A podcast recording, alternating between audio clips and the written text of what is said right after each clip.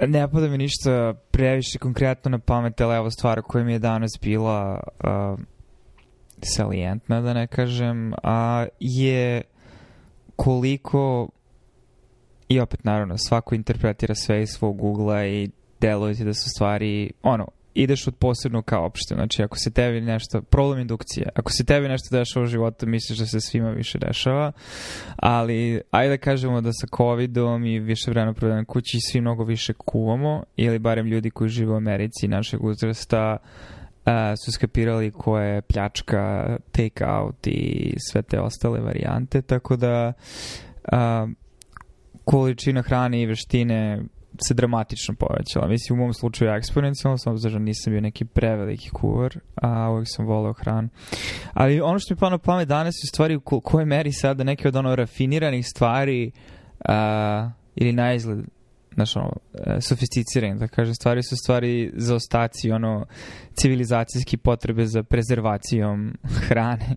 Jer sad pravimo konfi, koji je ono u niskom, relativno niskom temperaturi ulja, znači oko 200 Fahrenheita, ne, ne, 275 Fahrenheita, ne mogu prevedem to u Celzijus, ali verovatno je oko 120 repola. Oko 100, da. Ali svakom slučaju ne ključa ulje uh, i ide je da polako u masti se meso e, skuva, mhm. mi skuvaš povrće. Koje meso? Znam da obi, obično se konfi pravi e, od pačetine, ali ko, ko, koje meso vi imate? Da, ovo je bio eksperiment sa piletinom danas, čisto zato što je ono, već smo imali neke um, ono, pileće noge, karabatak batak i imali smo, kad smo pravili pileći bujon deo toga ima već pileću mas na vrhu i imali smo čak neku svinsku mas koja trebala se potroši, nisam teo previše ulja da baca maslinovog, a, i mislim ono, sad se završili su prispolaze, mislim jedna od onih stvari koja ono kao toliko je laka, ono staviš 4 sata u rernu i, i a, brzo se završila, čita poente na kraju recepta kad pročitaš je što kad se to sve ohladi ti to možeš da poliš uljem, zatvoriš i držiš frižider 6 meseci. Mm. Jer je jedan, jedan od razloga zašto se uopšte tako nešto pravi pravilo je između ostalog da možeš da prezer, prezervi, prezerviraš hranu, da konzerviš što god, sačuvaš. Mm, ali limitirajući faktor tu bi bio pretpostavljeno da sve mora da zaliješ uljem pre nego što staviš u, e, u redno, što pod jedan troši dosta ulja, pod dva obično se kaže a, ono što pre na visokoj temperaturi zapržiš da se da ne bi upijalo ulje tokom kuvanja, koliko ulja penetrira u meso i koliko je kaloričnija hrana koju, koju na taj način napraviš. Pa, I, da treće, ostav... I treće, šta mhm. radiš sa viškom ulja?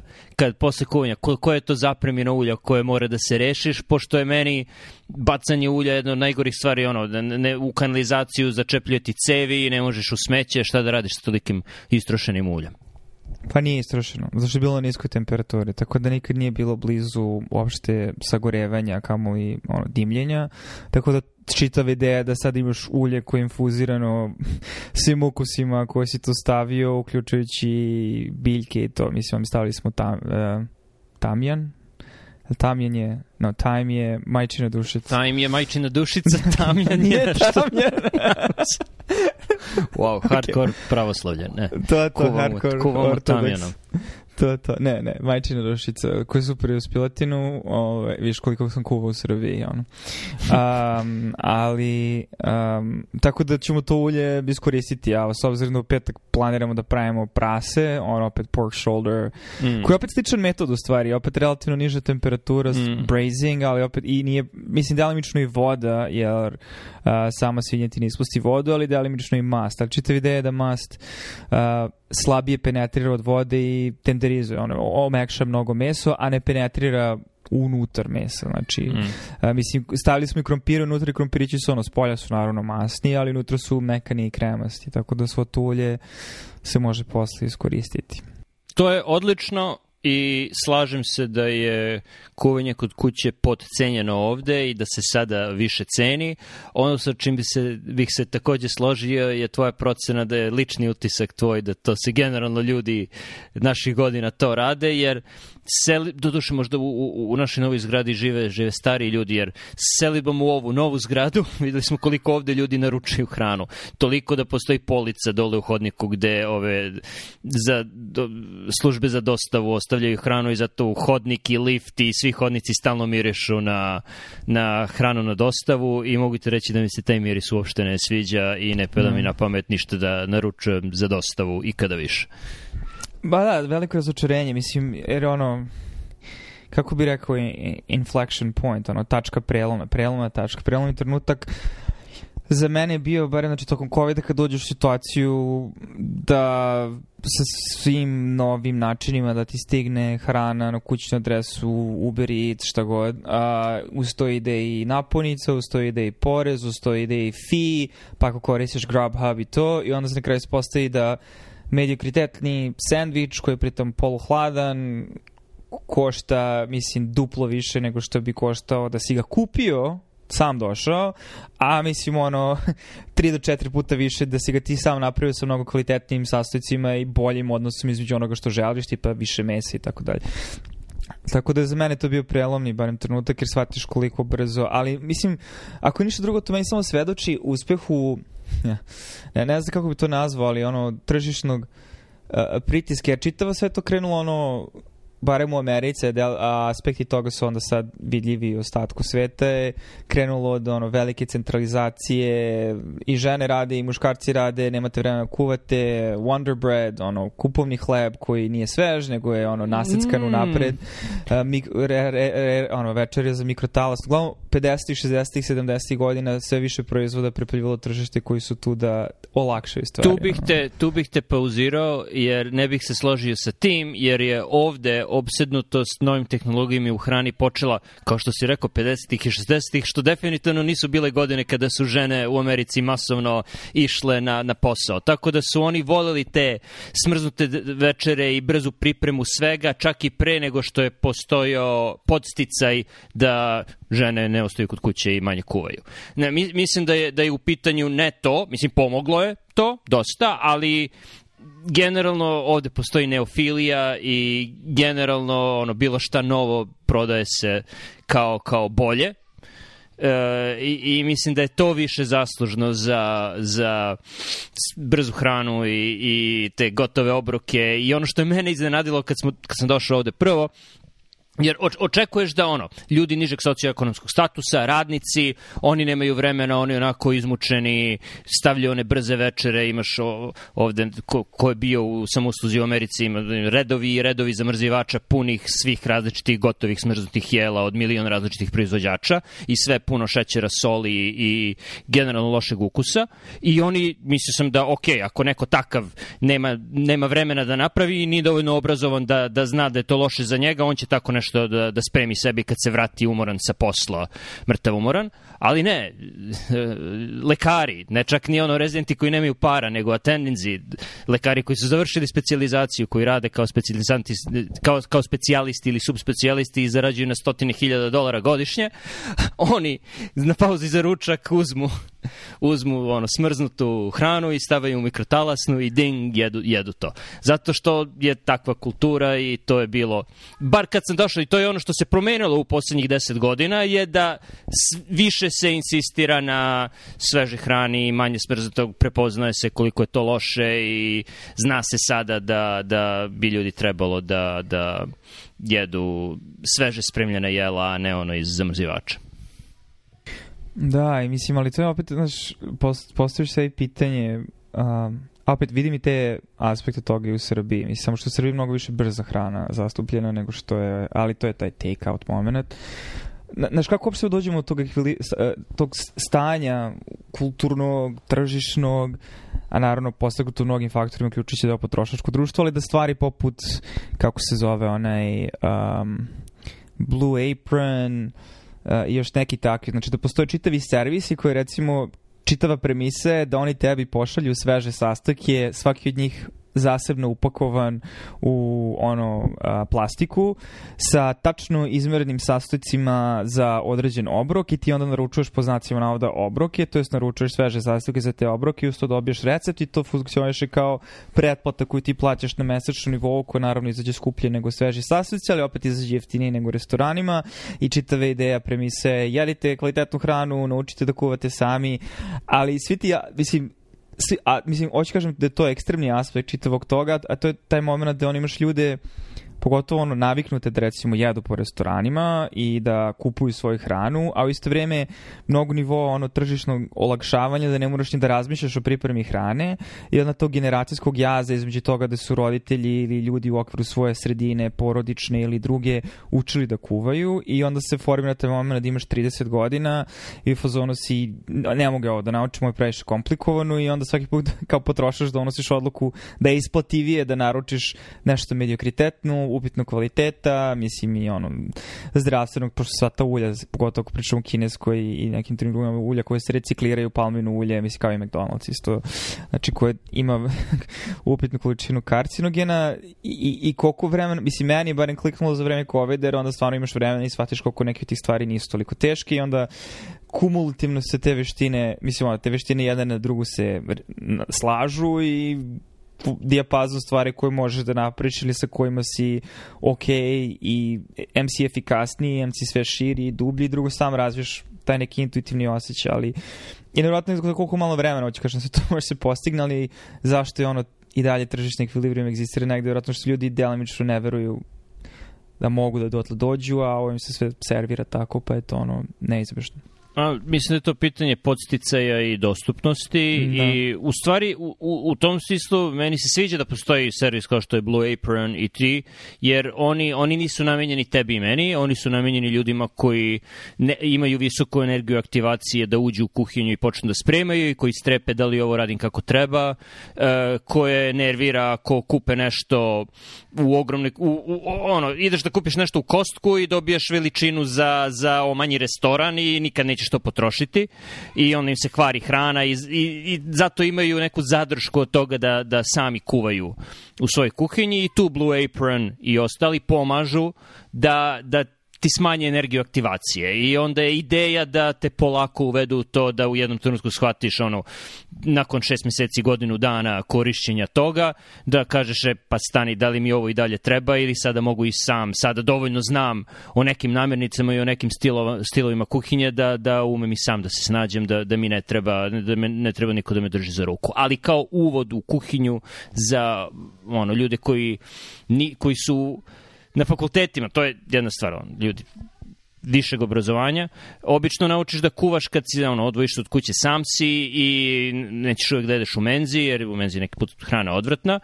Uh, ko je rođen u Beogradu i studira u Beogradu, nema tu privilegiju da je morao sam da kuva sebi, verovatno, pošto su i dalje kod mame i tate i oni im spremaju da jedu, ok.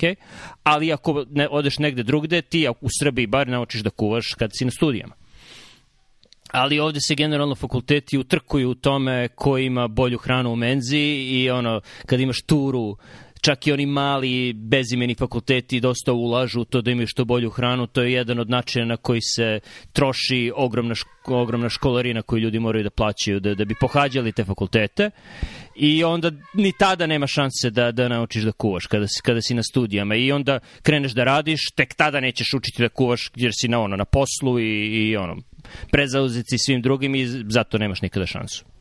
Da.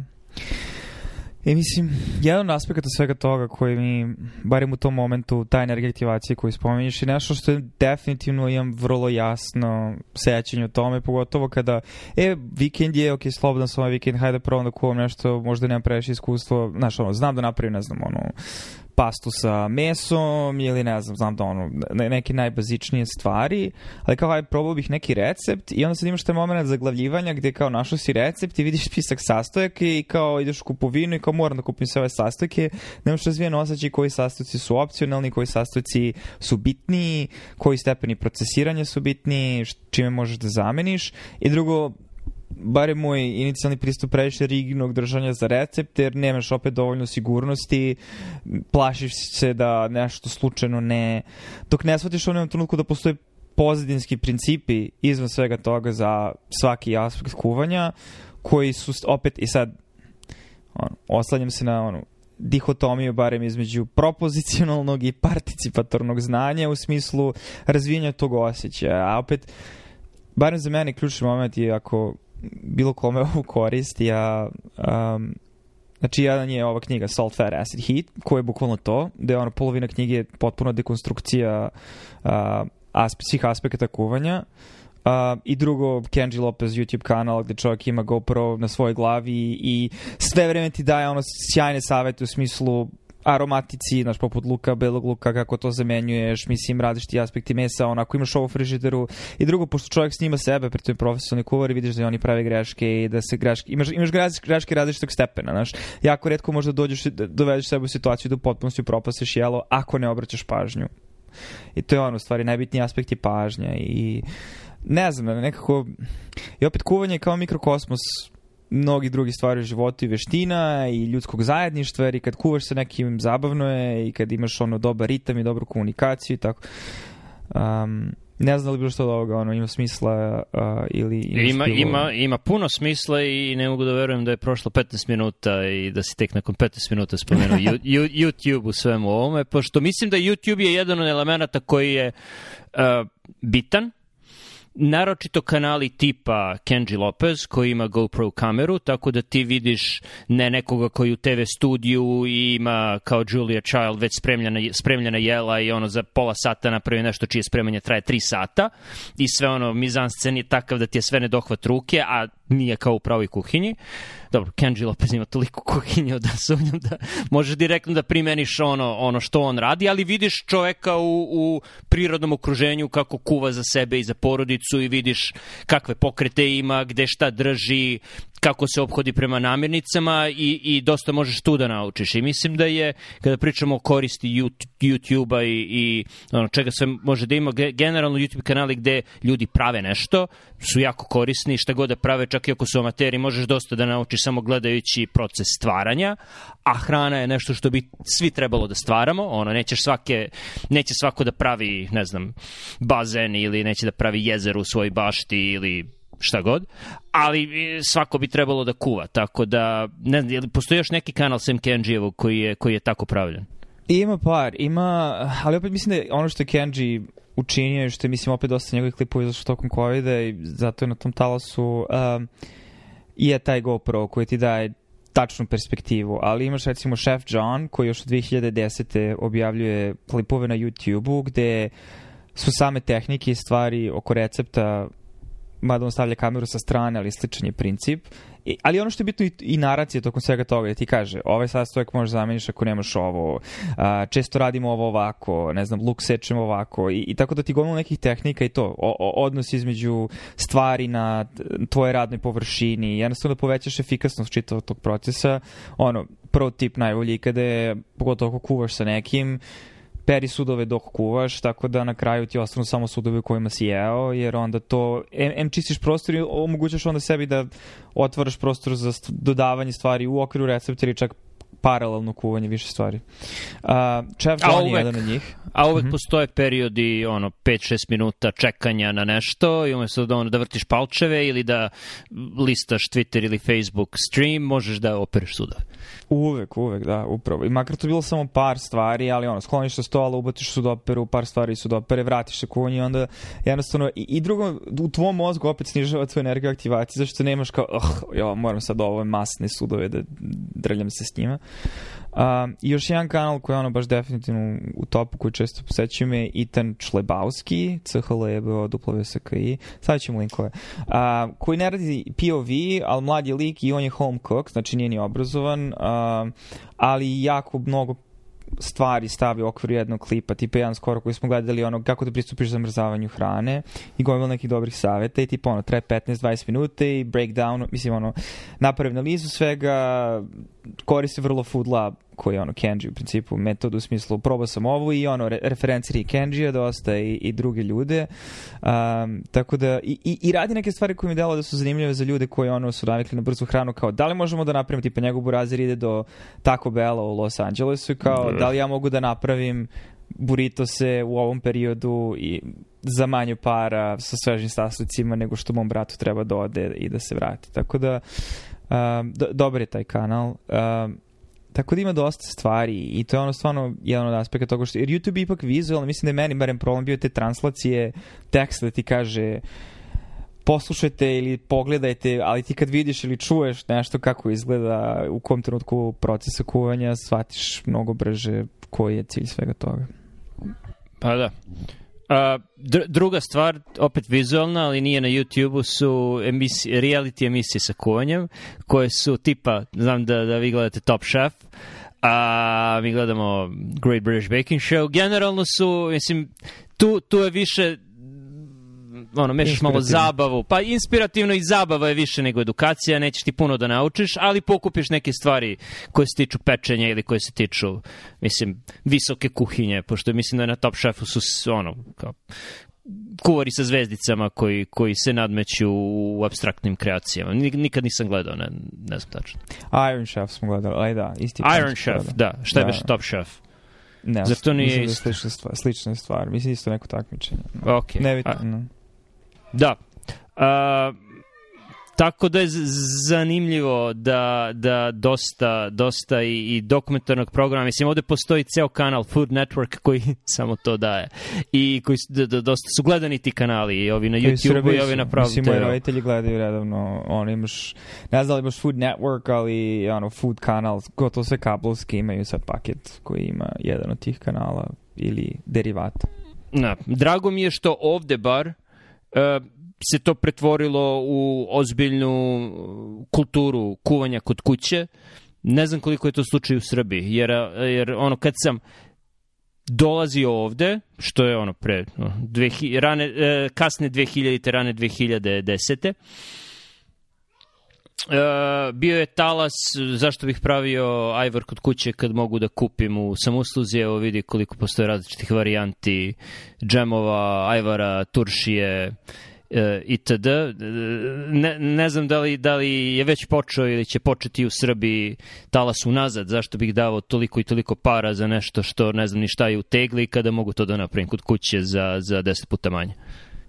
Da, ne znam, mislim, postoje više struje i u Srbiji naravno postoje veliko raslojavanje u društvu i od grada do grada ili Beograd i ostatak, znači postoje više načina koji možeš to posmatrati, imaćeš mnogo različite rezultate.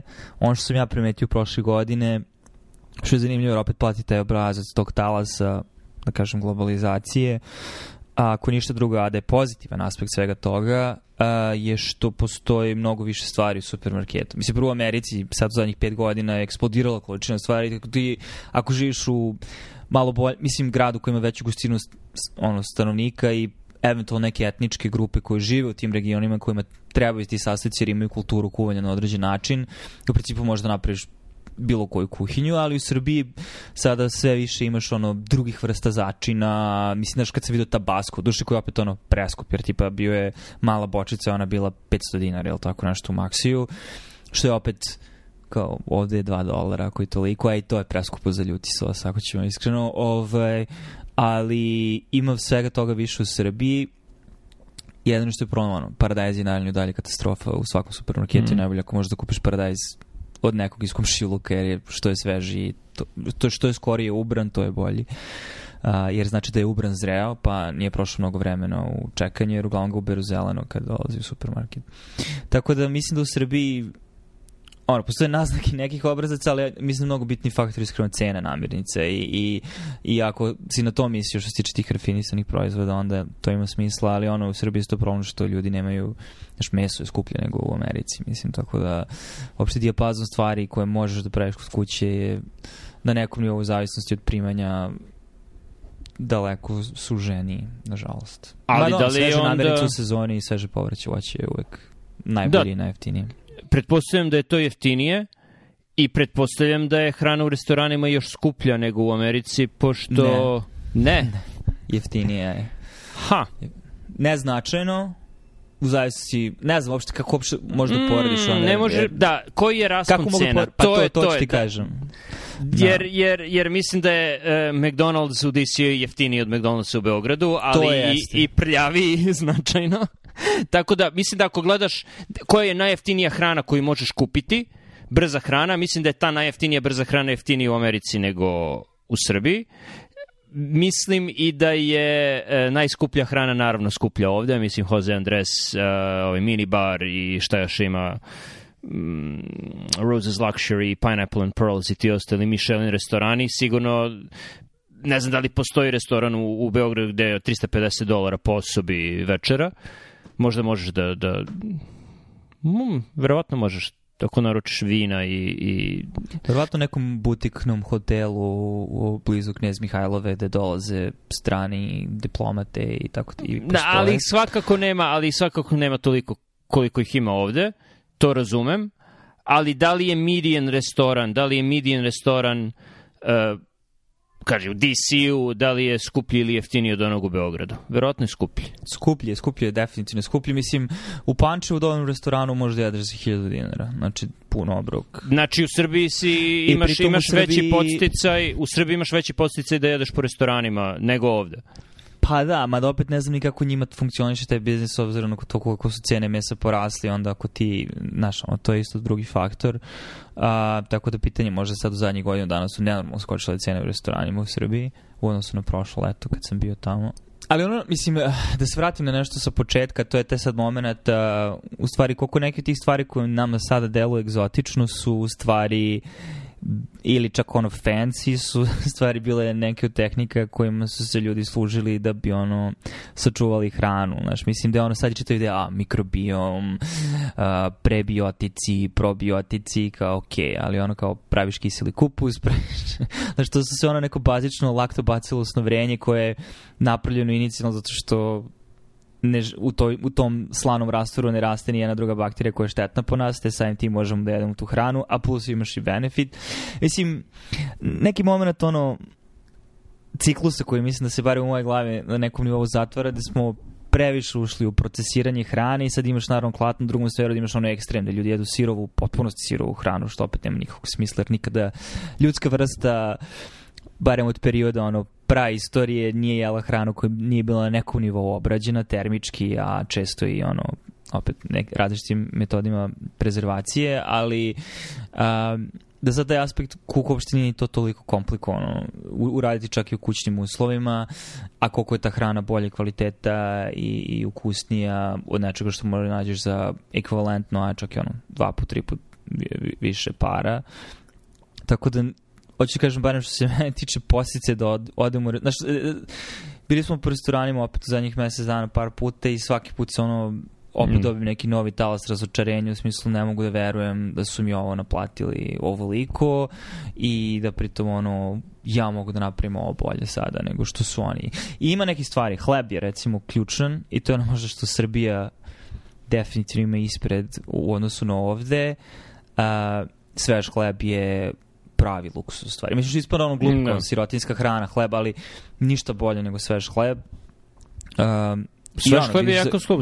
Normalno vek na svežeg hleba je ono 5-6 dolara. To, to Ovde je... da. I to je ono, to je ono, znaš, ako ikada budem pravio neki biznis, što ali već godinama pričao ono, zašto nema pekara u DC-u, pre pekara svuda ima, pekare su super, pogotovo u gradu u kome možeš da hodaš, ideš na posao, kupiš listnato testo, kupiš nešto. Ja sad u DC imaš koliko 4-5 ovih tate pekara, samo što su od njih napravili ono upscale luxury, tako da mm. plaćaš ono... Jer ono, kupiš hleb za 5 dolara, ali onda možda ćeš da kupiš i latte za 7 dolara i možda ćeš da kupiš i već gotov krok madam za 15 dolara i možda ćeš da kupiš i sada i neku neki poslastičaški moment, sam se potrošio 40 dolara u pekari, ne znaš kako se potrošio.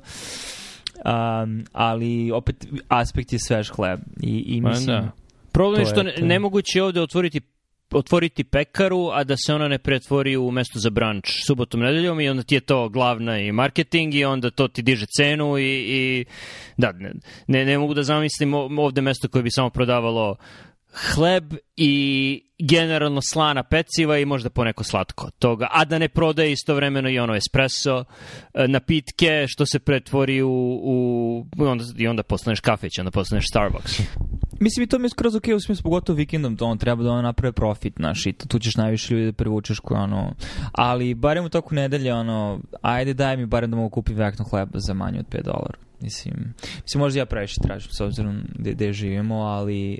Uh, jer ono, problem sa hlebom je što ti stvarno treba, ili pizza, dobra pizza, treba mm. ti peć koja može da postigne jako veliku Dobro, temperaturu. Dobro, če, dobru picu možeš da dobiješ u DC-u, ne toliko dobru kao u Baltimoru, ali je ok, imaš... Uh, sad se ne sjećam više ni imena, ali na, u Georgetownu ima ona, ona dobra italijanska Il pizzerija Il Canale, hvala, koja ima originalnu napoljsku picu, gde ako i ikada dođe ovaj moj drugi iz Napulja, koga pozivam već 10 godina da svrati, uh, eh, ako ikada bude došao, odvešću ga tamo. uh, I onda će mi on reći, ovo sam mogu i kod kuće da jedem, zašto se me doveo ovde, ali dobro. uh,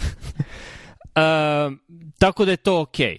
A za hleb, i to ne možeš kod kuće, naravno, dok nemaš, ne znam, uh, veliku kuću sa dvorištem gde možeš svoju, svoju peć na, na drva da, da napraviš. Ali Mislim, hleb imaš možeš... drugi varijant. Dob, to kad budete imali kuću, kupit ćete za rođendan. ok. Ali, ali uh, hleb možeš i kod kuće da praviš. Šta te sprečava da, da ispečeš veknu hlebu kod ne, kuće? Ne, možeš. Ne, ne, možeš. I mislim, mi uglavnom kad pravimo hlebne stvari, kao što si video, su uglavnom stvari koje u stvari možeš naš pored, to znači ravni ovi hlebovi, ono, pit, pita, ne pita u srpskom smislu, nego pita bread. Um, no. Da. Kao pita Nan chips. I, Nan da. i te stvari, ali... Um, barem šporet ovde koji imam, koji je na gas, ali je star, ni, ne dostiže da tu dovoljnu temperaturu da može dovoljno to da se napuva i, i da napravi dobru korist, tako da hleb koji bi pravio opet ne bi bio kao pravi. Mislim, okej okay bi bio, ali ima nešto kad kupiš baget koji ima ono spolja hrskavu koricu, a unutra onako mlekan i, i, razlači se skoro onako chewy, da ne kažem. Da, baget, koji uh, dajem ti izazov da, da u nekoj sam usluzi u DC-u, ima ih par, ali su redke, da nađeš baget koji je, koji je takav, a ne, pa ne možeš. nešto što liči na baget, neka izdužena cev, neverovatno mekanog testa koje možeš da, da zgrudvaš i, i da se gađaš njima. Pa ne, ne može, zato i u Srbiji mislim da to je jedan od pozitivnih ono, zaostataka industrializacije tokom SFRJ je zato što je svaki grad imao svoju gradsku pekaru i što te pekare koliko toliko, mislim, možda više nisam toliko upoznat, ali barem, znaš, kad vidim u Pančevu, ono, da imaš i dalje Sava hleb, ti znaš da taj hleb ispečen tog, mislim, napravljen tog jutra i sveži. Taj hleb već sutradan više nije svež, ali to je čitava pojenta. Znači, ne treba hleb da ti bude svež 10 dana, osim ako ne prodaješ hleb u supermarketu i distribuiraš ga širom zemlje, mislim. Ali to, taj, taj, taj, taj, taj, taj posticaj se ne, ne uklopa sa, mislim, interesima potrošača, nego sa interesima, mislim, prodavca.